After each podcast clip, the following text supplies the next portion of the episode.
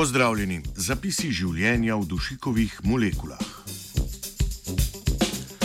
Ekipa znanstvenikov in znanstvenic je na Los Angeleški univerzi v Kaliforniji s pomočjo panorame superzmogljivega masnega spektrometra odkrila povečano vrednost molekule izotopa dušika N15 v zgornji atmosferi. Rezultati raziskav namigujejo, da je le ta posledica kombinacije visokoatmosferskih razelektritev in bioloških ciklov na Zemlji.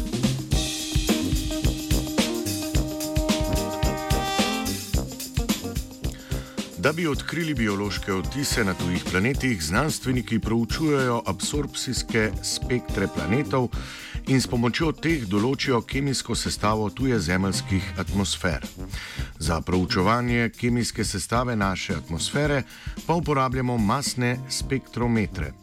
Panorama je masni spektroskop, naprava, s pomočjo katere lahko znanstveniki preko mas posameznih molekul ugotovijo kemijsko sestavo testnih vzorcev.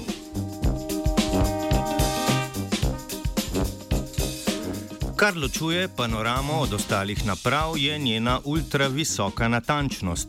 Zgolj zaradi te natančnosti je znanstvena ekipa v Kaliforniji uspela razločiti med molekulama dušikovega monoksida NO in molekulo plina dušika, sestavljeno iz dveh delcev dušikovega izotopa z atomsko maso 15.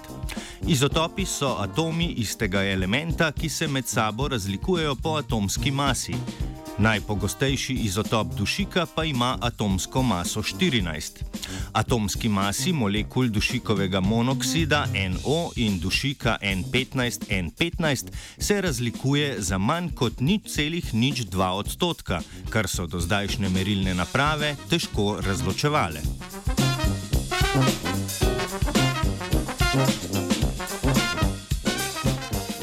O pregledu vzorcev ozračja je bilo ugotovljeno, da je molekule dušika N15N15 v ozračju za skoraj 20 odstotkov več, kot naj bi je bilo. Ker kemijska bilanca narekuje nižjo vrednost N15N15, so bile potrebne dodatne raziskave, ki so pokazale dva poglavitna krivca.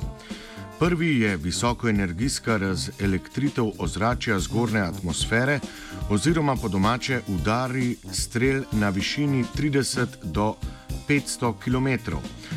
Drugi pa posledica dveh vrst bakterij, ki razgrajujejo dušikove molekule in pri tem aktivno vplivajo na koncentracijo molekularnega dušika v ozračju.